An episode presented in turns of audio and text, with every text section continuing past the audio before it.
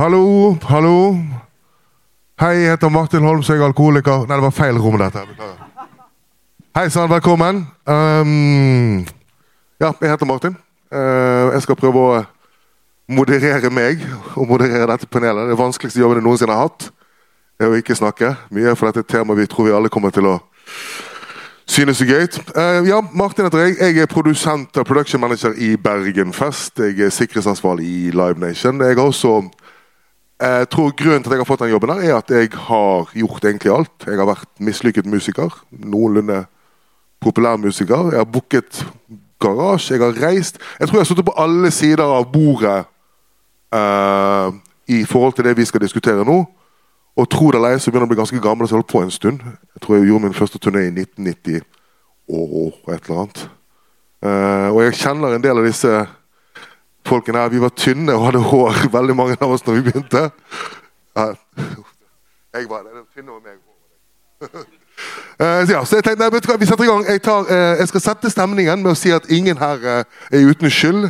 Noe som jeg og Stefan har reist med litt. Grann. Skal sette tonen litt for, for hva vi egentlig skal diskutere i dag.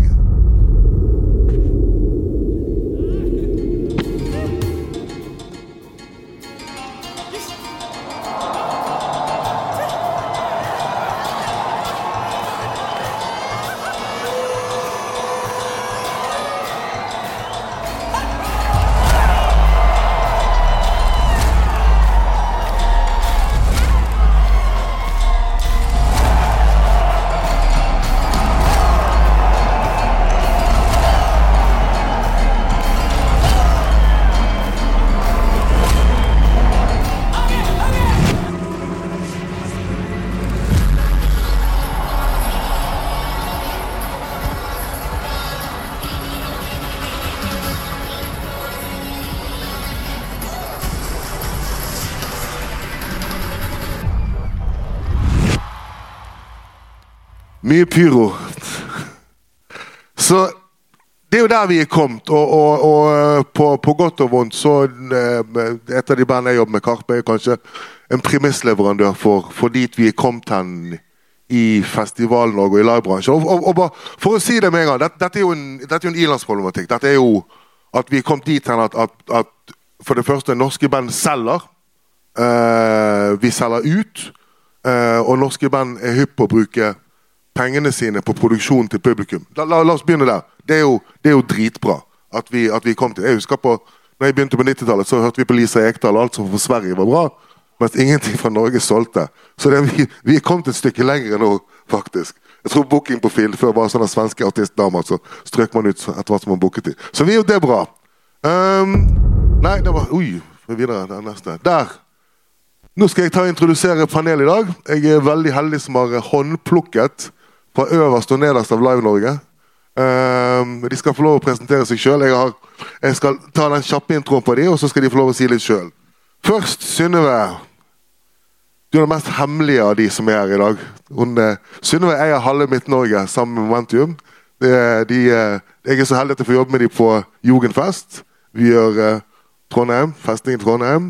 Og vi reiser ofte opp om terminalen, som er blitt en av de Nav-hub, altså for, for for å turnere på skikkelige steder i Norge.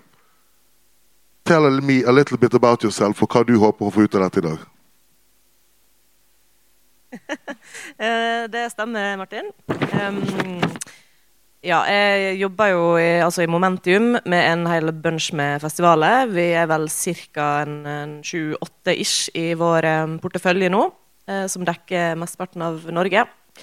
Um, samtidig så jobber jeg mye med klubb, med Terminalen i Ålesund og Fiskepiren i Stavanger, og med et, um, et par andre prosjekter som vi har gående. Så uh, den um, synergien mellom uh, band som spiller artister som spiller svære greier på uh, festival, og så skal overføre det her til klubbformat, det er en interessant greie å se på i dag, tror jeg. men også så sitter man jo der som på en måte det siste leddet i en prosess mellom artist og agent, og så skal man gjennomføre det her, da. Så, um, så der har jeg nok litt å ja, litt, å interessere meg for. Du kan kalle det for shitshow. Det er akkurat det vi det, det, det, og det er det skal vi skal diskutere i dag. Johan Christian Berntsen. Berntsen. Du er ikke så redd. Det går bra. Dette går fint. Jeg har kjent deg siden uh, Ompa til Eller kjent deg fra siden jeg var tynn og spilte i Popium. Men jeg har turnert med deg siden Ompa til du Nei, Ompa til du Tor. Første turneen. Vi uh, har gjort noen av de største jobbene våre sammen. Vi var livredde sammen på Roskilde. Vi har uh, vært gjennom det. Du representerer i dag litt artistvisjonen og hvordan vi skal klare å presse den gjennom, eller sørge for at de og du har litt produksjonsapparat også. Fortell litt mer om deg sjøl og hva du forventer å få ut av dette i dag. Hei. Uh, Johan Berntsen, som er mine gode venn, sa han hadde faktisk uh, sixpack. Jeg kødder ikke, jeg har bilder. Vi får se det etterpå.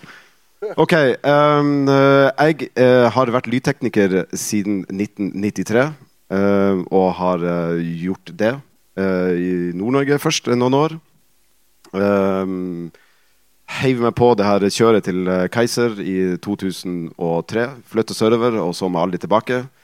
Uh, turnert rundt omkring i Norge med all slags mulige slags ting. Elsker musikk.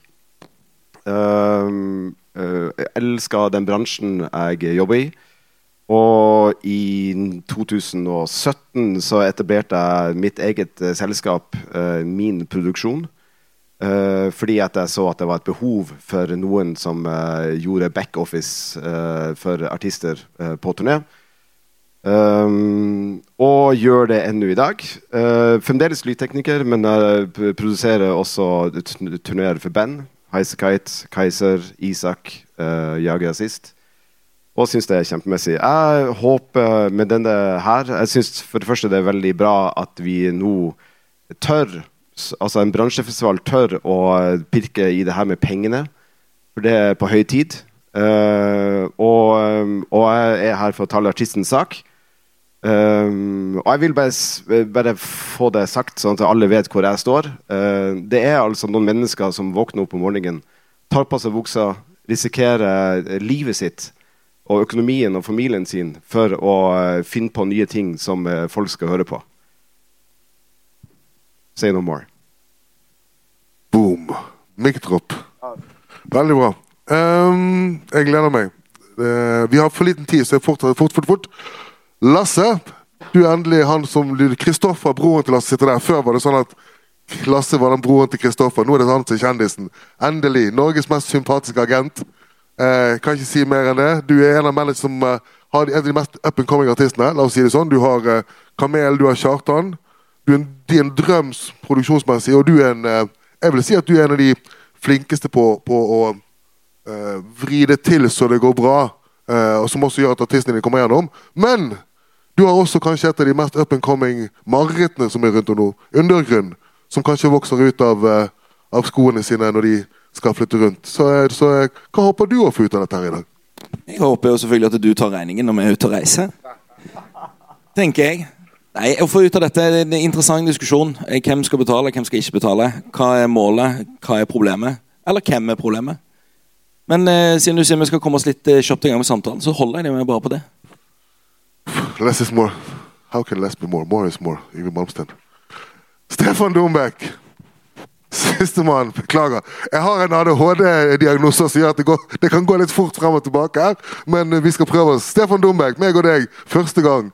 Surferosa var det det? Et eller annet sånt. Turné gjennom hele Norge. Du var lysmann, jeg var backline, og vi drakk Irish coffee.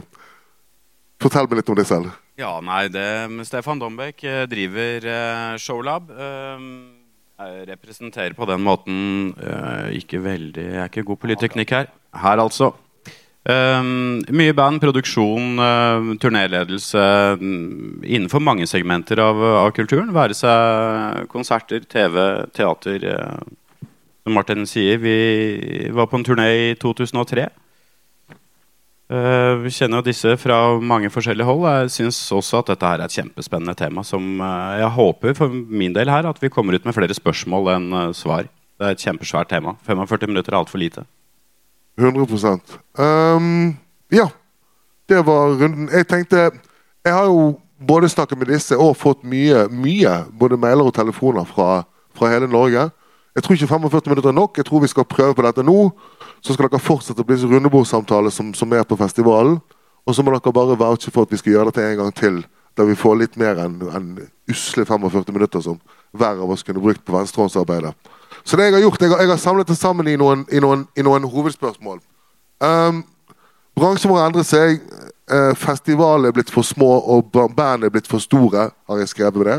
Logistikken henger ikke alltid på greip. Og vi trenger en forutsigbarhet både for produksjonene og for festivalene. Eh, jeg skal prøve å belyse forskjellige roller til aktørene. Eh, vi skal se om noen faller mellom to stoler. Og så skal vi se om folk egentlig vet hva de snakker om. Og det er faktisk en, eh, noe av det jeg har avdekket i dette her. Så første spørsmålet mitt er Nå skal jeg prøve å hoppe på multimedieshowet mitt. Har ambisjonsnivået til, til bandet gått forbi festivalproduksjonen? Og jeg begynner med Lasse. Eh, ja, det har egentlig det. Norske artister har vokst uh, mer og mer og mer, blitt større og større og større, selger mer og mer billetter, og på et eller annet nivå der så har nok en del norske artister overtatt rollen fra de internasjonale. Og det gjør nok at det ikke bare ambisjonsnivået som har oversteget, men kanskje kravet og forventningen til artisten har blitt større enn det flere mindre festivaler kan levere. Eh, det har vært en, eh, en, en gryende utfordring i mange år. Og så har vi nok eh, kommet oss til det nivået nå hvor de norske artistene i hvert fall blir anerkjent som den størrelsen de er. Og så ble jo da det store spørsmålet igjen om den, den tekniske forventningen. Det har jo kanskje vært en liten trend da, som eh, du og Stefan har vært eh, ansvarlig for å begynne litt. da. Så ble det interessant å se nå om det går andre veien igjen. Kanskje produksjonen blir mindre. Ja, Da går jeg rett over til Berntsen og sier hva sier du om det? Um, uh, ja. Et rungende ja til det spørsmålet, vil jeg si. Uh, og Lasse, du sier det veldig fint, syns jeg, med at uh, det er en helt annen konkurranse Det er en helt annen konkurranse der ute nå. Norske band må altså vet for det første De har gått på kurs, de vet sin markedsverdi. Eh, og så er det også en ganske interessant ting som skjer i Oslo om dagen, med at de, eh, de vanlige, gamle strukturene relatert til uh, produksjonstekniske forhold har endret seg i og med at, at aktører fra de tradisjonelle utleiehusene har uh, slått seg sammen og, og tenker i større grad design og uttrykk enn før. Og det har da resultert i at det er mer kreativt. Og så har vi jo internett, eh, og den tilgjengeligheten som artistene har. Eh, og summa summarum av det, så eh, har artisten, som de alltid gjør, går foran eh, og eh, noen skritt eh, i forhold til øvrig bransje i forhold til å være tøff og stilig og gjøre eh, greiene sine for et publikum som øker og øker. Bra. Uh, vi kommer litt tilbake til akkurat det med produksjonshus etterpå. Hold that tanke. Eh, nå skal du få lov å svare. Jeg synes Du blir jo litt for festivaler på et vis. Hva, hva føler du til det spørsmålet? Har, har ambisjonsnivået til bandet gått forbi festivalen og det vi leverer på festivalen? Ja, på en, på en måte, men festivaler i Norge er så utrolig forskjellige fra hverandre også. Og så har du et, du har et segment med festivaler som absolutt kan motta det sjiktet som er av, av medium til større norske artister, og da setter man liksom premisset der. Og så har du en hel bunch andre festivaler som ikke greier det, men som kan legge inn samme bud og få samme artist. Så den her ujevnheten, den tror jeg skaper litt uh, problem. Um, og samtidig så er det Jeg tror, tror Kanskje vi prata litt om det i sommer. Kanskje, kanskje det var med Sebastian, som er turnéleder for Karpe. Men vi som arrangør, og f.eks. Karpe, har jo også vokst opp i lag. De spesielt de ti siste åra, mens Karpe har økt sine ambisjoner, så har vi, vi måttet følge på og blitt proffere, bedre. Vi krever mer av leverandørene våre, og vi, vi må opp på det nivået sammen. Og det er veldig spennende. Men svaret er, delvis ja. ja. Ja. Og det er jo litt sånn, at akkurat det kan jeg si noe om. Det går jo litt på forutsigbarhet. At, at når man lager den produksjonen, så må man på en måte eh, forventningsavklare hva du kommer med, hvordan du kommer med det, hvordan det skal løses. Og Det er også noe som jeg tror kan mangle i Norge, med at man, man, eh, man, man lager et produkt, og så ser man ikke Jeg bruker å si jeg er sirkus, du- bestiller du sirkus, så må du forvente elefantritt. Men du må også si fra om elefantritt når du kommer. Så den forventningsavklaringen der tror jeg er noe vi kan lære av alle sammen eh, underveis. Stefan, sistemann ut i dette første spørsmålet. Hva syns du? Bør, har ambisjonsnivået blitt større mismatch? Eh, Det har jo helt klart blitt eh, større. Forventningene er større. Det, teknologien tar oss videre. Pandemien har, har gjort noe. Eh, internettet, som eh, kommenteres her, helt klart. eh, og jeg, jeg ser jo det som eh, kjempepositivt. Vi har en jobb å gjøre ut, som man sier. Man eh, risikerer alt for, for musikk. Og det å legge det ut og presentere for publikum Publikummet vårt er viktig. Vi må levere. Vi må levere som internettet. Og, og vi, er å, mm, vi er nødt til å mm, balansere produksjonen etter det. Um, en liten tanke jeg fikk nå er at På festivalene, som varierer fra stort til små, så kan man veldig ofte se på banda hvor svære de er. Hvis du spør hvor svært er frontdropper hit. Hvis det er 12 meter bredt, så er det 12 meter det er balansert på. Veldig bra. Det var, det var en nerdespøk, men jeg likte den. jeg, eh, jeg, eh, jeg tenkte det, Vi, vi toucher egentlig inn på alle disse hovedspørsmålene. og Jeg, liksom, jeg føler at jeg treffer men det vi tilbake til dette her, men Jeg liker ikke å bare si at i Oslo skjer det ting. Det må du aldri si i Bergen. Berntsen. I hele Norge skjer det ting at det finnes produksjonsbyråer som nå har hoppet ut fra festivalene sine og gått videre. Men nå går vi videre til neste spørsmål også. fordi at dette her med den forventningsavklaringen, dette her med kommunikasjon mellom agent og festival, det er jo veldig ofte det som vi militære kalte for kakespisere. Så de sitter på kontor. Lasse snakker med, med, med Klas eller andre, og så blir de enige om ting som ikke er spisskompetanse, yes, uten at jeg skal, skal, skal Det er en ærlig sak, det. Så da er spørsmålet mitt egentlig Bør advers delegeres ut til folk som faktisk kan det? Dere kan le, vi har grått. Veldig mye. Og bør noen av de pengene som da blir i det økosystemet, gå til disse nye firmaene som er der ute nå, som har stilt seg mellom med den spisskompetansen? Er det, er det en vei å gå? Nå begynner jeg med Synnøve. Uh, ja, jeg tror jeg tar det, det første spørsmålet først. Um, uh, ja, definitivt. Det er um, Jeg skal ikke eksemplifisere dette opp, da, men man ser jo en del uh, spesielt unge, store artister som ennå ikke har lært at det å delegere advance til noen som kan det, det betyr ganske mye in the end. Så du sitter der eh, som, både som arrangør og alle, alle imellom, alle som jobber på scenen, som får ja, en scenemester som får 20 eh, unge followers opp på scenen og søler øl på mikser eller eh, alt det. Det er bare det er ingen kunnskap om hva som, eh, hva som skal til for å levere eh, proft for alle parter. da. Eh, og det er, en, det er kostnadskrevende, og det er frustrerende, og det gjør at eh, ting av og til går galt. Lasse, jeg tar deg nest. Definere advance eh, ble jo mitt første spørsmål. Nei, eh, altså når det kommer til store tekniske produksjoner som er ute og reiser, så bør man definitivt ha mennesker som har kompetanse på det. Eh, så kan man også stille spørsmål nummer to. Bør man delegere totalen, altså hele advansen, ikke bare det tekniske, til et annen eh, aktør? Det tror jeg i større grad svaret er nei. Eh, den gamle TM-rollen som man må gå opp både tider og reiser og parkeringsplasser, de tingene, den tror jeg er viktig at står der han står. Både fordi man har tettere kontakt på de som har, gjennom, altså, har gjort kontrakten. Altså hva er det som er forventa og, og, og plassert inn. Og så kommer det på hvilken type teknisk produksjon det er snakk om.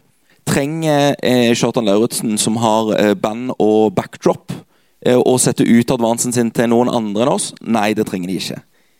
Trenger undergrunn som skal reise med tre leddskjermer og en teknisk pakke med noe streaming og noe opplegg, og sette ut den til noen andre? Ja, det trenger de. Så det, det, det blir litt sånn Det kommer an på hvem vi snakker om. Ja, skalering. Du, du besto testen, forresten. Du tok begge de to. Jeg, you saw what I did there. For det, det, var, det er interessant, for det, nå skal ikke vi nå skal ikke vi, altså, er det sikkert, Dere lo høyt når vi snakket om undergrunnister. Jeg syns det er jævlig gøy at det er et nytt nye band kommer opp nå. Og så får de lov å være eplekjekke. Gud hjelpe meg skal vite at jeg var det. Martin Holms i dag hadde drept Martin Holms da han var 22. Altså helt ærlig. Så, så, så det skal være bra at vi, at vi har disse bandene som, som må få lov å gå opp. Men jeg tror det er snakk om skalering. Ja, det er snakk om at eh, Kjartan trenger det ikke, men kanskje disse nye bandene trenger noen som også kan lære de hva som er god kutyme, og, og hva som er. Så skalering, ja, i forhold til produksjon. Berntsen, tilbake igjen. Bør advance settes vekk. Det er no given med deg, men du skal få lov å. Ja, som jeg sa innledningsvis, så lever jeg jo av det i dag. Um, uh, ja, sant. Uh, bra poeng. Jeg kommer til det. la Lasse sier at eh, del, ja, men eh, delvis. Eh, jeg er helt fullstendig uenig. Eh, hvordan Lasse jobber, eh, det vet jeg ikke. Vi har aldri gjort noe band sammen. Eh, men hvis jeg skal ta en Hvis jeg skal dra alle agentene under én kam, så, så trenger de seriøs hjelp, alle sammen. Og jeg mener jo at, at, at veldig mange også, jeg, jeg vet jeg pisser i mitt eget bed her, altså. Jeg lever jo av dem. Men, eller skiter i egen krok, eller hva det heter. Men, men altså, poenget mitt er det at, at med å ha en fokus på det som har med praktiske ting å gjøre, så er du i bedre ruta og i bedre stand, og ikke minst økonomistyring internt. Eh, på, på en annet level enn det agentene eh, har. Alle slått under én kam. Lasse, får, eh, vi får eh, jobbe sammen, og så kan vi bli bedre kjent. Men, eh, men uansett, det er det jeg mener, da. Eh, og hvordan de skal få lønna si, det mener jeg er et anliggende i forhold til eh, bandet og den avtalen de har med sin agent. Eh, om hvorvidt at det skal være prosenter, eller om det skal være fast hyre, eller whatnot. Det, det mener jeg ikke er en diskusjon for dette her. Fora. Du har så rett i noe, og så kanskje vi er uenige om andre ting. Men det er bra. Jeg mener fortsatt eskalering. Jeg mener fortsatt at ikke alle trenger en produsent eh, inni der. For det blir som å tvinge på det litt lenger. Kan jeg kommentere det? Go for it. Ja, de, de fleste agentene har eh, eh, en, eh, en sparepartner, en høyre hånd, eller som gjør sånne ting, som er gjerne ansatt i det kontoret. De fleste agentene har det. Eh, så så i, i, til syvende og sist så handler det om at, at eh, ja, de, de, I de vanskelige tilfellene som, som teknikere, turnereproduksjoner, arrangører står i da, så er det som oftest at, det, at den, den grunnlaget for skalering da slår feil ut fordi at det er inkompetanse relatert til hva som faktisk treffer. Nå er det en kommentar fra Lasse, så skal Stefan få kommentere. For Når du først drar alle agentene over én kam, så kan man jo si det samme om advansselskapene. At fordyrende mellom det, det er ikke nødvendigvis løsningen. Så poenget mitt her er jo at den skaleringen som vi diskuterer her nå, den omhandler hva, hvilken oppgave skal agentene løse. Noen agenter er gode på det, noen selskaper er mindre gode på det. Noen advansselskaper gjør en veldig god jobb. Noen eller tekniske hus eller hva man skal kalle det for, gjør en veldig god jobb. Noen gjør en dårligere jobb. Og så er bare spørsmålet det, det Vi kommer tilbake igjen. Hva er målet for dette? For Hvis målet er å få en best mulig eh, praktisk gjennomføring av et show på en festival eller på et spillested, så er det jo, eh, vil jo jeg si at de aller fleste agenter henter inn kompetanse utenfra for å løse det. Være seg om det er Showlab eller min produksjon eller hvem det er. Sånn at det blir en eh, litt sånn for, forvreining av diskusjonen å si sånn jobber bookingagentene. For det er en stor variasjon mellom de unge og de gamle. De som er mer konservative i måten de har bygd opp selskapene sine på enn andre. Sånn at eh, tanken med å diskutere om om et måte, produksjonshus har en rolle i musikkbransjen, så er jo svaret ja. Men jeg er ikke enig i at nei, det er bare over hele linja. Fordi at til syvende og sist så tror ikke jeg nødvendigvis at hvis du skal komme inn i Kjartan Norsen-produksjonen, at du kommer til å gjøre en bedre jobb enn meg. Takk. Og nå Du vet denne? Det er broren til denne. Jeg bestemmer nå. Vi tar dette etterpå. Sistemann, og så begynnelsen Satan, han som egentlig startet alt sammen. Mr. Showlab. Et av de første, de første produksjonsbyråene. Dette med kjærlighet. Eh, svar vel given fra deg. Bør kanskje artistene Men jeg tror du kan gi meg et litt bedre svar. Jeg tror du kommer til å gi meg et reflektert svar nå. Hint, hint. Um, svaret uh, egentlig fra meg, som, uh, som Berntsen sier, ja. Uh, klart ja, men Over hele ja, linjen? men, Nei, men jeg er enig. Det er en skalering. Uh, det gjelder også overfor publikummet vårt. Festivalene er store, festivalene er små. Vi er nødt til å skalere. Vi er nødt til å finne en, finne en balanse som er fornuftig. Og, og eksempelet gitt, uh, backdrop og band trenger kanskje ikke den samme type advance som en lastebil eller to eller tre. Um, når er det det slår inn? Det, det er en vanskelig vurdering. Og så sitter vi også i situasjonen her med en festival. Hvis vi går til en eh, type stor festival, eh, eh, skal man forvente der at vi må ha en eh, verdensmester i produksjon på festivalen som skal håndtere ti andre eh, production managers som kommer inn? Så, så begynner vi å en, en sirkel med, med papirarbeid som begynner å bli kanskje litt vel mye. Then again så skal vi please publikummet vårt, som er det viktigste. Og vi skal levere topp resultat per band uansett. Om du er først eller sist, syns jeg det er, det er vår oppgave. Uh, hvorvidt, uh, bare for å trekke det over til punkt to der, uh, gi fra seg prosenter. Den gryta der tør ikke jeg putte oppi. Jeg kan mene noe om det, eh, men jeg syns jo det er på tide å se på og kanskje røre litt i den, den gamle nøkkelen på at så mye skal management ha, så mye skal bookingagent ha. Den kan man kanskje på tide å røre litt i, og se om det er noen andre måter å gjøre det på. Vi har altfor liten tid, og det er så jævlig bra. dette. Det er så poenget at eh, eh, Vi skulle gått gjennom hvordan det gjøres i, i de store utlandet. Da er det veldig ofte at, at, eh, at eh, accounten, altså managementet eller regnskapsføreren, er den som henter inn production manageren før agenten kommer inn i bildet, egentlig. Og så går det derfra utover. Så det, dette, dette, Vi kunne snakket i årevis om det. Berntsen, kan vi gå videre, eller vil du kommentere det han sa nå? Eller kan vi bare kjøre på? Du får velg. Oi, helvete. Ja? Si noe. Veldig, veldig kjapt. Ja. Um, jeg er veldig enig med begge parter her, men vi, vi står jo i en situasjon i Norge der vi har masse medium til store artister som skal ut og spille. Og fra du har gjort den avtalen med agenten til du begynner produksjonen, så virker det som at ingen har prata i lag. Dette kommer vi tilbake til. Berntsen, kjapt. Ja, det, var, det, det er veldig bra. Ja. Det er liksom det som er problemet, da. Ja. Det, altså, jeg sier ikke at uh, agenten gjør det med viten og vilje. Det er rett og slett bare det at han vet ikke bedre.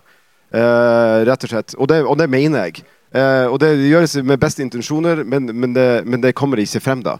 Sånn at, at eh, Og så er det med kommunikasjonslinjene. Uh, uh, jeg jobber, har et veldig godt samarbeid med agenten til, uh, ja, til Highasakite. Og da er det sånn at for hver kontakt som settes, så er vi i uh, dialog. Og så blir den skrevet da basert på at vi gjør en due diligence på det, akkurat den type jobben. da. Og, og jeg, jeg mener jeg Og det her, og det her jeg får lov å skyte inn. For det var sånn jævlig bra overgang til neste spørsmålet mitt. Må ikke artisten av og til si nei til de jobbene produksjonen deres er for stor til? Eller i det minste skalere sin egen produksjon til de jobbene de har takket ja til? Og da kan jeg gjerne begynne med deg igjen nå, Berntsen. Ja. øh, jo, det er klart. Um, um, det- åh, det er et langt svar. Uh, jeg vet det. Uh, men altså, det vil si uh, Jeg skal ta kritikk på vegne av mine kolleger i bransjen i forhold til akkurat den tematikken. Eh, jeg vet at det kan være fryktelig vanskelig å, å gjøre 70% av det man eh, vil gjøre når man har 100% på bilen. Eh, og det er ofte tiden og økonomien som, som bestemmer om hvorvidt at du enten er det full pakke, eller så er det ingenting. Uh, rett og slett. Uh, så det, det er en ting som, som, som jeg snakker med mine kolleger om, ikke daglig, men, men ukentlig, ukentlig og månedlig, om å få, å, å få en forbedring på det. Eh, så, så, så der tar jeg kritikk på at, eh, at eh, produksjonsleddet kanskje burde vært mer dynamisk relatert til de ulike størrelsene. Så, så det er fint. Men å si nei til jobber fordi at man har en stor produksjon, mener jeg at vi ikke skal gjøre. Da mener jeg at problemet ligger et annet sted. Ja, veldig bra. Og det, dette kommer vi også tilbake til. Dette kommer tilbake til hva, hva kom først. Høna eller egget? Spekk eller raideren? Og det, det er jo det, dette er en av de grunnleggende tingene Nei, nei, vent. Dette er en av de grunnleggende tingene vi skal komme gjennom nå. Det er den ah, forventningsavklaringen. Og hvor er prosessen? Sånn, Det, vi kommer tilbake til det. Tolmer deg, gutt. Rolig. Eh, Stefan, dette begynte egentlig med meg og deg. Eh, og du på en liten festival med en alfascene. Det er egentlig hele den, den diskusjonen begynte. var jo akkurat der. Og det jeg mener, jeg, det, la, la det være klart, jeg mener hvis du skal gjøre alt, så må du ha en A og en B-rigg. Vil du gjøre alle festivaler i Norge, så må det gjøres i rutingen. Så sender du A-riggen på de produksjonene, så sender du B-riggen på de andre produksjonene. Da er jeg enig med deg. Men jeg, tror, jeg mener det må være begge steder. Men du, fortell hvordan meg og deg begynte med dette, egentlig. Eh, For min del eh, eh, Se dette her ut fra en festival i Sør-Norge. Det er en ti ganger seks scene. Ganske vanlig vanlig scenestørrelse rundt. Uh, huser mye. Den har begrensninger i tak, den har begrensninger på side, den har begrensninger på innlast. eh, parkeringsplass. eh, og oppi dette her, som vanlig på opp- og Nerik, så skal det plaskeregne. Um, og det gjør det. Da er det utfordrende, ser jeg. Ut fra den festivalen så, har vi en, så sender agent en, en enkel kontrakt som sier at bandene opptrer på festivalens spekk. Utfordringer hvert eneste band. Det er større ønsker, det er større uh, mål, det er høyere ambisjoner. Uavhengig av hvilket nummer de står på spillelista utover dagen. Eh, og det er vanskelig for festivalen å oppnå alle resultatene. Man må gjøre kompromisser som eh, resulterer i en eh, diskusjon internt i det tekniske miljøet som jeg mener er totalt unødvendig. Dette kommer av at kontrakten er skrevet da gjerne for å booke sommeren, før, altså året før. Festivalene eller Bandene er ikke klare med rider. Riderne kommer for sent. De blir større enn, og ambisjonene har økt ettersom de fire-fem månedene har gått. Og så står man der i en knipe, som ofte resulterer i ekstrakostnader for arrangør, som ikke er heldig i en postpandemisituasjon. Det det, vi kan ikke eh, Som et felles ønske på, fra min side på alt dette her, så handler dette her om å, kunsten å budsjettere. Både fra agent, management, arrangør og også ikke minst band. Takk. Synnøve, hva tenker du? Ja, det, det her tror jeg liksom er kjernen i problemstillinga. Eh, også ref eh, skalering eh, i forhold til hva, hva produksjon du har med, med hva type eh, fagpersonell. Eh, det virker som at den dialogen som eh, Skal ikke liksom peke på Lasse, men som en, en agent Peker på det likevel. En agent. Derfor får han her. en agent har med en arrangør, og det kan være mange grunner til. Jeg tror um, nå er det mye konsolidering og mye som skjer i festivalmarkedet. Det er færre som booker flere festivaler. Det er færre agenter som booker store ting. Men jeg tror du da mister en, en slags god samhandling mellom agent og produksjon. Og der er et ledd som er i mange tilfeller altfor svakt. Både på klubb og på festival. Eh, sånn at da kommer det som en smell at eh, den festivalen har spekka en altfor liten scene, altfor alt liten produksjon, og så er halvparten av bandet som spiller, eh, for store. Og så sitter du i skvis. Nydelig. Og da vil jeg egentlig ta wrap up den, dette spørsmålet med Lasse. Hva, hva tenk, svar, med svaret. Go for it. Eh, ja, man burde kutte ut eh, enkelte jobber. Det, det blir på en måte den korte løsningen. Helt enig, AB-rigg kan være en veldig god løsning. Men det blir nok også, det kommer til å bli en trendting. Altså, Med Karpe så fikk du de store bløtkakeproduksjonene som har lag på lag på lag. Og så vil du få artister som da kommer til å komme med en motreaksjon på det og gjøre det motsatte tingene av det de gjorde. Eh, fordi de ønsker å være annerledes og ønsker sitt eget visuelle uttrykk som skal se ut på en annen måte. Eh, og så er det jo da Det blir jo litt sånn artist-artist igjen òg, da. Eh, enkelte situasjoner er jo ekstremt vanskelig å forutse. Eh, en eh, artist som i april eh, hvis vi tar undergrunnen som et tilfelle. I april det året gir ut et album, og så da en måned etterpå en av Norges største artister, så blir det komplisert. Det er jo nesten umulig å forutse den situasjonen. Eh, og da får jo på en måte Selv om alle vil at den rideren skal være eh, i orden, og at eh, spekket for festivalen skal være levert i august, så vet vi på en måte at den situasjonen ikke oppstår, og da får vi en, en eh, da, da, blir det bare et problem nesten litt sånn uløselig. Eh, og så tror jeg at det er veldig mange artister som eh, Så tror jeg det er veldig mange artister som eh, står i en situasjon hvor eh, de har en del rot rundt seg. Og det burde man på en måte kvitte seg med. Og Derfor synes jeg også at Når det kommer til en del av de mindre festivalene der du vet at produksjonen din ikke passer, og hvis du ikke har en B-rigg, så må du ha en løsning på den problemstillingen før du kommer dertil. Og så er det jo, Da blir det jo selvfølgelig et kostnadsspørsmål der. og Hvem skal ta den kostnaden? Men det er jo ikke bare derfor et eh, budsjettspørsmål, det er òg et strategispørsmål. Hvilken type artist har du? Hvilken type scene skal de spille? Når på dagen? Hvordan, hvordan, hvordan? Eh, og vi jobber med flere artister som vi rådgir å ha enklere og mer effektive produksjoner. Fordi det har òg nå ført til at de står mer ut på enkelte festivaler enn eh, enn de ville gjort før. For etter på Bergenfest med alle de store tingene som kommer, når Kamelen går på scenen og er aleine, så ser det plutselig jævlig fett ut. da. Så det er jo òg en tanke bak om du skal ha mye produksjon eller ikke. Bør òg flere artister og eh, flere leverandører tenke seg om og på en måte spille smartere. Det er derfor jeg syns du er god. Det mener jeg oppriktig. Det var ingen ironi i det. akkurat det. Og det, og det, Bare for å ta en liten digresjon, altså, en tankerekke, det er at dette, Denne prosessen har jo etter, etter, Spotify, etter YouTube Husk, i gamle dager så, så gjorde du festivalene, og så bygget du deg opp fra opener videre. Nå har vi fått vi har fått Sam Smither, vi har fått Ed Sheeran, vi har fått ting som de blir store over natten, og veldig ofte så skal de da ut og ha en money grab på festivalet. Og så blir det da opp til festivalene og gjerne agenten å bygge den produksjonen for disse småartistene. Vi har sett, altså, vi har sett dette med utenlandske artister ganske mange ganger. Der man, man, og gjerne da svelger kamelen for det at Feil uttrykk, beklager. Uh, men der man faktisk um, um, bruker penger på å ta det mellomordet, det er mangel på, på produksjon fra, fra, fra, fra artisten. Berntsen, du syns du holdt på tisse på deg? Uh, jeg vet ikke hvor jeg skal begynne. Eh, eh, apropos det, det er jo veldig mye greiere hvis du snakker engelsk når du kommer til en norsk festival. Neste punkt! Neste punkt! uh, uh, nok om det. Jeg ville bare, bare for å understreke poenget mitt. Hvor mange her inne tør å rekke opp hånda og si at de er agenter?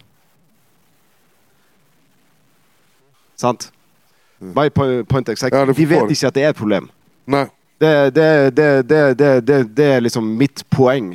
Eh, understreke at, at når, når, når de eh, Altså de, de vurderinger som tas altså Lasse igjen, jeg vet at du er en bra fyr. Det har jeg, eh, det har jeg, jeg vet det, for vi kjenner hverandre. Eh, men det er altså et, et enormt gap eh, i forhold til eh, disse her eh, vurderinger som tas i en tidlig fase, og kontakter som skrives av da festivalbookere eller venuebookere og en, en agent. Som igjen eh, blir da et sånn Det blir bare en sånn endeløs rekke med problemer, da. Relatert til Fordi at de er ikke i kontakt med, med det, det produktet de selger, rett og slett. Lasse, kjapp replikk. Ja, jeg bare, bare si at eh, jeg jeg er enig, jeg bare syns det blir tatt litt mye over en kam. Det er det som er problemstillingen.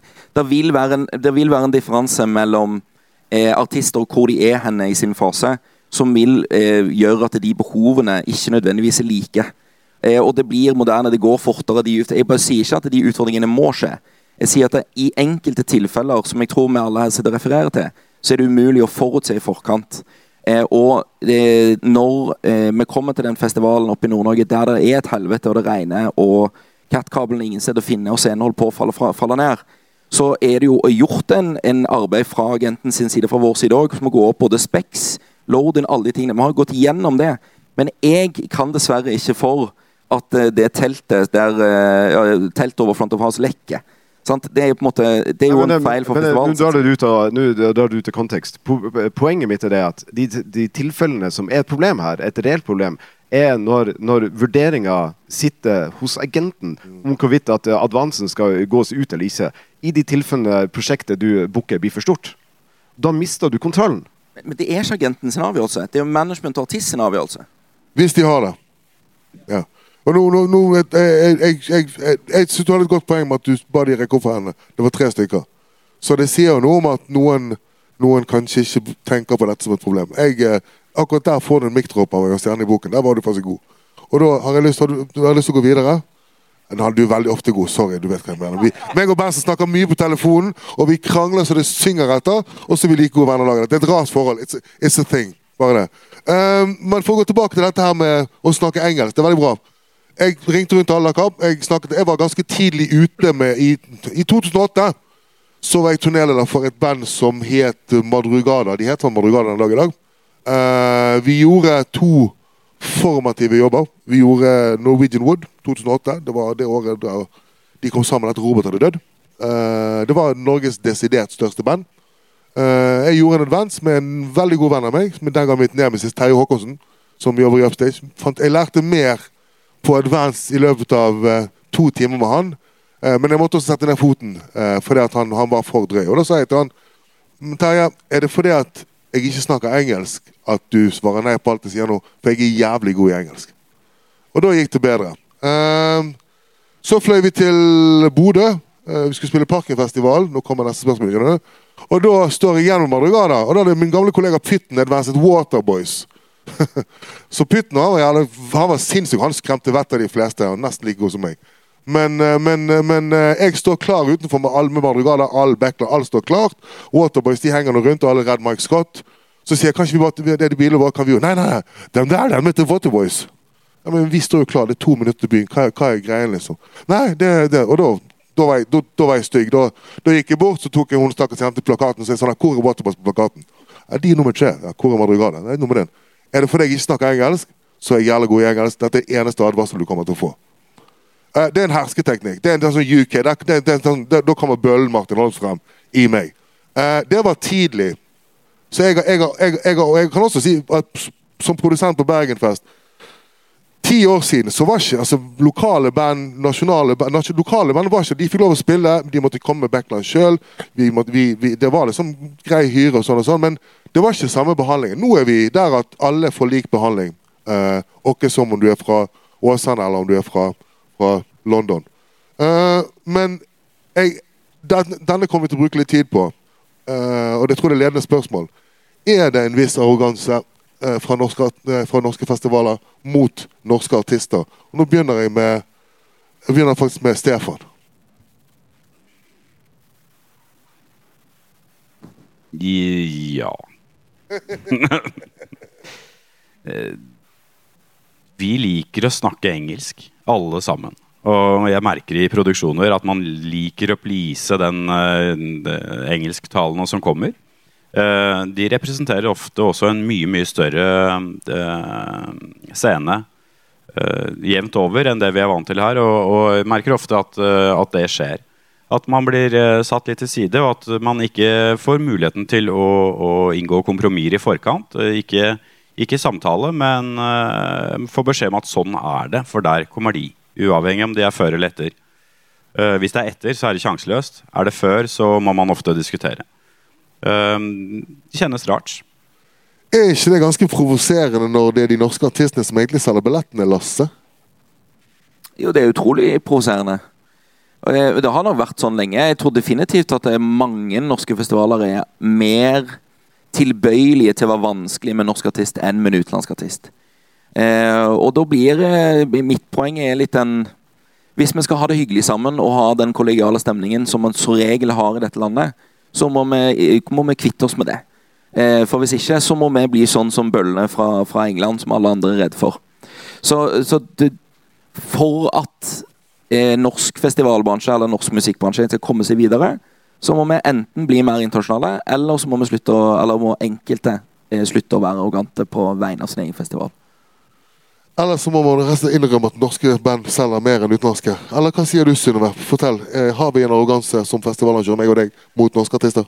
Ja, kanskje litt, men jeg tror det er grunner til det. Um, Fortell! uh, altså jeg tror alle som jobber i produksjon på store festivaler, er vant til at det, går, uh, det kan gå litt hett uh, for seg innimellom. Sitat en kollega med borte i, salen her som så, så bildet av det panelet her og sa at eh, jøss, jeg har faktisk fått voksenkjeft av alle i det panelet her. Men eh, så er jo det representert eh, store artister i, i det panelet her også.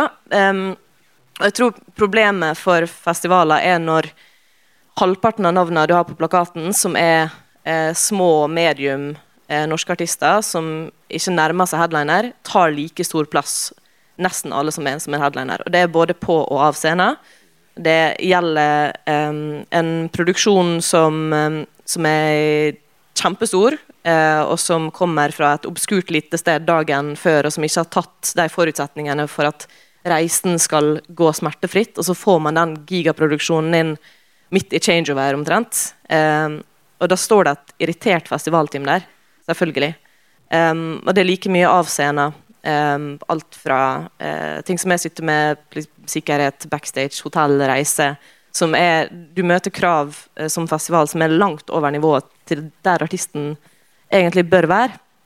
Og Jeg vet ikke om det mangler noen forventningsavklaringer mellom eh, management, eh, agent, artist, eller, eller hva som er greia. Men jeg tror det, det eh, produserer en viss eh, Kanskje noe som kan føles som arroganse.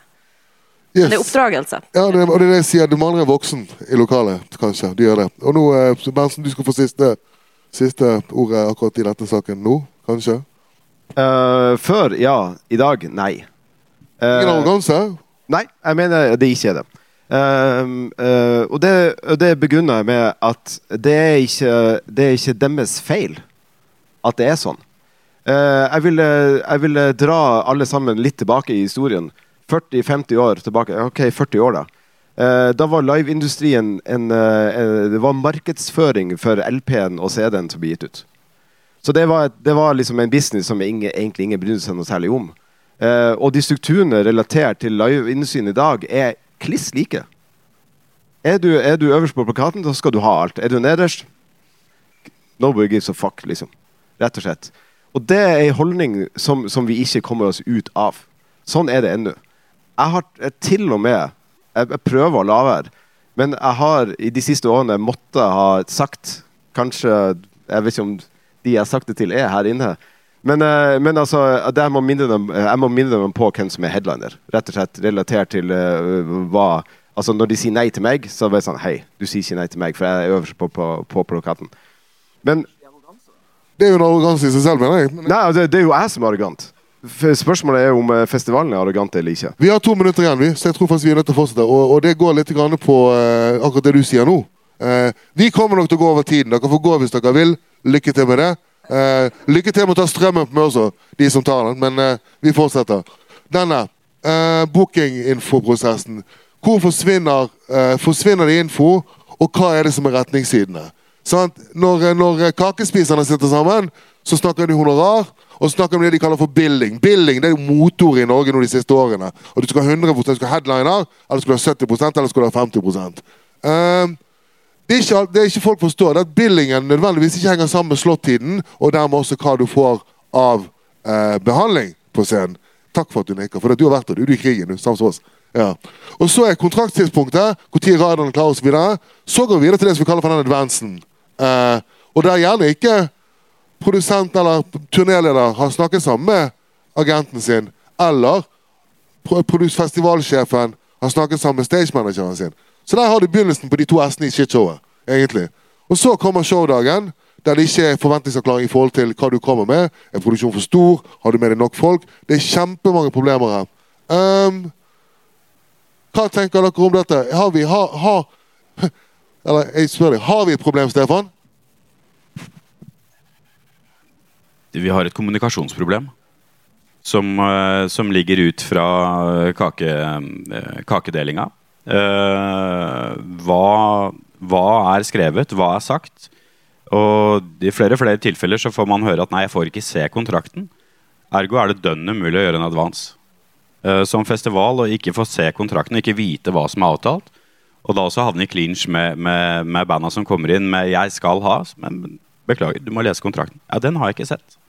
Nei. Kommunikasjonsproblem, eh, det har vi. Det må vi rydde i. Um, forarbeidet, det er mer enn halve jobben eh, i det vi gjør. Eh, og en skalering hvor, vi, må sette nullpunktet. Jeg tror altså det, dette, det, og jeg, jeg mener det må, det må faktisk læres opp i hvordan, altså, en enighet hvordan prosessen fungerer. Du får ordet. Berntsen, du kan få neste. Ja, takk. Um, uh, takk for at du sier uh, kommunikasjonsproblem. Det er i aller høyeste grad det. Og det gjelder uh, eh, så vel den reisende produksjonen som eh, som den lokale produksjonen. Um, eh, og hvis man skal peke Nei, man skal la være å peke på, peke på hvem det er sin feil. Men, men det er helt klart. Altså det, det som Martin sier, det er kakespisere som, som setter en deal uten å helt vet hvorfor og hvordan eh, det skal gjøres. Basert på en eh, teknisk spekk som gjerne er to år gammel, eller som ikke er blitt endra på fire-fem år. Uh, og Det er også en av grunnene til at bandet nå tar med seg ting. Fordi at du får en generisk scene som er fire, tre LX-er og et backdrop-heng bak der. Vær så god. Det her skal du få til å se ut som én million dollar. Det er praktisk talt umulig å gjøre det med mindre du har med en full lastebil med stæsj, eller at du knekker og bruker hele hyret di på å leie det inn lokalt. Synnøve. Jeg skal spare litt for litt tid, Martin, og si at jeg er enig med folka. Men eh, også at eh, jeg ser i hvert fall i større og større grad at på klubbturneer så eh, går man fra eh, et budsjett som man kan kaste i søpla, fordi ting blir tre ganger dyrere, eh, og så får man en produksjon på besøk som er helt sånn internt kaller det her for eh, klubbturkonkurs eller et, et eller annet sånt, fordi at det har bare kommet så brått på alle hvor dyrt det ble. Eh, det tror jeg vi ser mer av hvis ikke noe blir gjort her. Eh, og så tror jeg vi ser mer av det når konsolideringa av norske festivaler og venues, som vi er, vi og, er også en del av, fortsetter. Lasse, du får siste, og så tror jeg ja, Fortsett. Kom an. En eh, god artist ser ut som en million dollar uansett hvor mye produksjon det er på den scenen. Å, er det god. Veldig bra. Du, vi har nesten ikke tid igjen. Jeg, jeg tenker jeg går over tiden. Saksøk meg etterpå. Jeg skal ta den siste her i en tid med økte kostnader. I en tid med økte kostnader. eh, bør det være mulig å kutte kostnader til artistprodukt for de honorarene. Jeg, jeg vet ikke om det er det som er veien å gå. Jeg tror alle må gå something's gotta give alle steder, mener jeg. Eh, vi har tydeligvis et problem, i, i alle fall med, med forståelsen av prosesser og hva ord og uttrykk man bruker. Der tror jeg mye av det ligger. Er det noen siste kommentarer? Skal vi, skal vi våge å ta noen spørsmål fra publikum? Eller vil dere si noe avslutte nå? For vi har faen ikke mer tid igjen. Vi altså. Det, vi kunne snakket i tre timer til. Um, hvem vil si, hvem vil begynne med å runde av? Jeg, jeg ville bare igjen bare uh, minne dere på at vi er i et system nå som har vært i mange år. Uh, og det kreves endring. Det kreves en, en, en rask endring for å få bukt med problemet. For det første, kommunikasjonsnivåene eh, altså, de, de, må brytes ned. Og folk må ikke sitte på sin høye eh, hest og, og, liksom gjøre deals, og så kommer vi etter og skal liksom fikse opp i det og bli sure og sinte. Og Det, det, det er kimen til alt her, sånn som jeg ser det. Rett og slett. Bedre kommunikasjon. Og så det at vi alle sammen går ut herfra og vet at vi er inne i boble nå som har vart i, i 30-40 år, som vi må ut av. Eh, og jeg mener helt seriøst at det skal ikke være noe altså, det, Vi har gått på feil Vi har gått i feil retning hvis vi ikke godtar at det kommer inn den første som skal trekke alle folkene inn til festivalen og tjene alle pengene på øl til festivalen, ikke får lov til å henge opp greiene sine. Fordi at, hei, du er først ut. Hva faen er det slags holdning? Altså, det, Folk må bare skjerpe seg, rett og slett. Så, så, så, så det, det, det, der, det, der, er viktig for meg, rett og slett. jeg kunne sagt jævlig mye an, andre ting. Så vil jeg anerkjenne de få agentene som er her. Takk for at dere er her. Det er kjempebra. og her, eh, jeg håper dere fikk noe ut av det. Rett og slett. Stefan, jeg skal ikke kommentere det, men uh, gå for det. Nei, det går uh, på det samme. Jeg håper uh, vi klarer en økt kommunikasjon. Det er egentlig noe av det samme som det siste jeg sa. Vi, vi Produksjonsmessig tror jeg vi er nødt til å skalere. Dvs. det vil si vi er nødt til å skalere, men nullpunktet bør ikke ligge på den største scenen. Nullpunktet må ligge på en medium-scene. Kanskje den er ti ganger seks. Den lille gangtabellen er fantastisk. Den er ganske gøyal òg. Den store er enda morsommere. Um, og et annet viktig punkt her som vi i hvert fall ei heller må glemme, det er at for å få alle disse tingene av den lastebilen opp i det taket, så krever vi veldig mye ressurser, veldig mye folk, veldig mye bærehjelp, stagehands. Det er i stor grad basert på frivillighet i alle disse på festivalene. Vi er nødt til å gi de frivillige normale, anstendige, fornuftige kår. Og kunne gi dem en fin arbeidsdag, sånn at de kommer tilbake året etter. Det må vi ikke glemme oppi her. Det er veldig bra. Og det går også på disse raiderne vi ja, Preatman. man. Ja. Det går også tilbake på de, de arbeidstidene som både festivalet setter, og artistene av og til setter med disse raiderne de kommer med. Synnøve, noen avsluttende ord? Um, ja. Um i tillegg til uh, det her, som jeg også er enig i, så uh, er det kanskje også bare en bønn til artister slash managere og uh, agenter om å ta de rundene flere ganger. Hva, hva visjon har vi for den turneen her? Hva er det vi egentlig trenger? Hvordan kan vi um, få frem konserten på en superbra måte uten å bruke LED-skjerm overalt og pyro og alt mulig faen? Eh, nå sitter jo Lasse her og sier at man tar de rundene, men jeg, det er ikke meg bekjent, liksom. Eller jeg, jeg skjønner ikke hvordan det kan skje. Det det er, mange som er flinke til det. Spesielt i Bergen, bergensartistene som jeg jobber med, faktisk. Um, men det, det, mangler Det er en lang vei å gå på voksenopplæringa der. Okay. Lasse? Ja, Det er jo bare min feil, da. Så det er jo veldig tungt å avslutte på det. Nei, jeg, jeg, tror, jeg, eh, jeg, tror eh, For det første så tror jeg at eh, panelet kanskje må tenke at det er ikke kun agentene som er i miksen. Det er òg artister og managere. Det er rådgivere, det er andre mennesker som òg har meninger i det systemet. Så at kommunikasjonen blir bedre Jeg sender kontrakter til, til mine. Det gjør jeg. Så, og i hvert fall om noe den informasjonen som er nødvendig å ha videre for å gjøre den jobben. og jeg tror ikke bare det er en kommunikasjonsjobb, jeg tror det er en forventningsavklaring. Jeg tror at festivalene, spillestedene, artistene må eh, i større grad enes om hvilke forventninger publikum har til den konserten. Hvilke eh, forventninger artisten skal ha til festivalens produksjon. Og hvilke forventninger festivalen skal ha til artistens opptreden. Jeg tror det er vel så viktig som den kommunikasjonen som skjer i resten av systemet. For hvis man klarer å knekke det, så vil det nullpunktet tror jeg gi seg mye mer.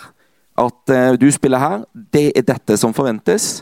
Dette er en veiledende rider som sier ca. hva vi tenker. Er alle enige om dette nå?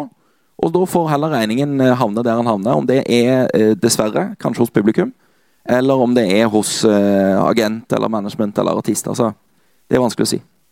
Siden jeg er moderator, så kan jeg få lov å avslutte. Og da kommer jo fasiten. Neida. Uh, jeg tror at det trengs uh, mer kunnskap, for det første. Det trengs kunnskap om, om, bransjen. Kunnskap om prosessene tror jeg uh, folk, folk, ikke forstår. Det er tilbake høna-egget, rideren spekket. Hva skal være, hva skal være det retningsgivende? og det går tilbake på forventningsavklaring. Og så tror jeg også det går på forståelse av prosessen. Hvor i prosessen skjer disse tingene. Og det skjer mye gale. Og så går det også på rett og slett å lære seg ordet og uttrykk. Hva betyr de forskjellige tingene? Men for å avrunde igjen, jeg begynner med det samme som jeg sa igjen. Det vi snakker om nå, er jo ilandsproblematikk. Ikke sultne barn i Afrika eller Gaza. Det går på at vi selger artister med norske billetter. Det må, altså, det, det må vi ikke glemme. Vi er kommet dit hen at, at, norske artister er de retningsgivende på de største festivalene i Norge. Og det er det som er jævlig bra nå. Og det er det vi må ta videre. Og så er det vårt ansvar alle sammen å prøve å lære hverandre, eller bli enige om en prosess på hvor denne bookingen skal gjøres, hvordan spekket skal komme, når spekket skal komme, og hva som er retningsgivende av det. Det tror jeg er det som vi må ta med oss videre herfra. Eh, vi skal gjøre noe. Vi er gått så sinnssykt over tiden vår at jeg eh, nesten må gi meg. Men jeg tenker at vi skal i pausen, og vi skal sitte her litt til, hvis vi får lov å sitte, eller sitter vi utenfor, så kan vi ta de spørsmålene du sa, din jævel, utenfor. Er det greit? Da takker jeg for at dere giddet å være så lenge med oss, og håper dere fikk ut av.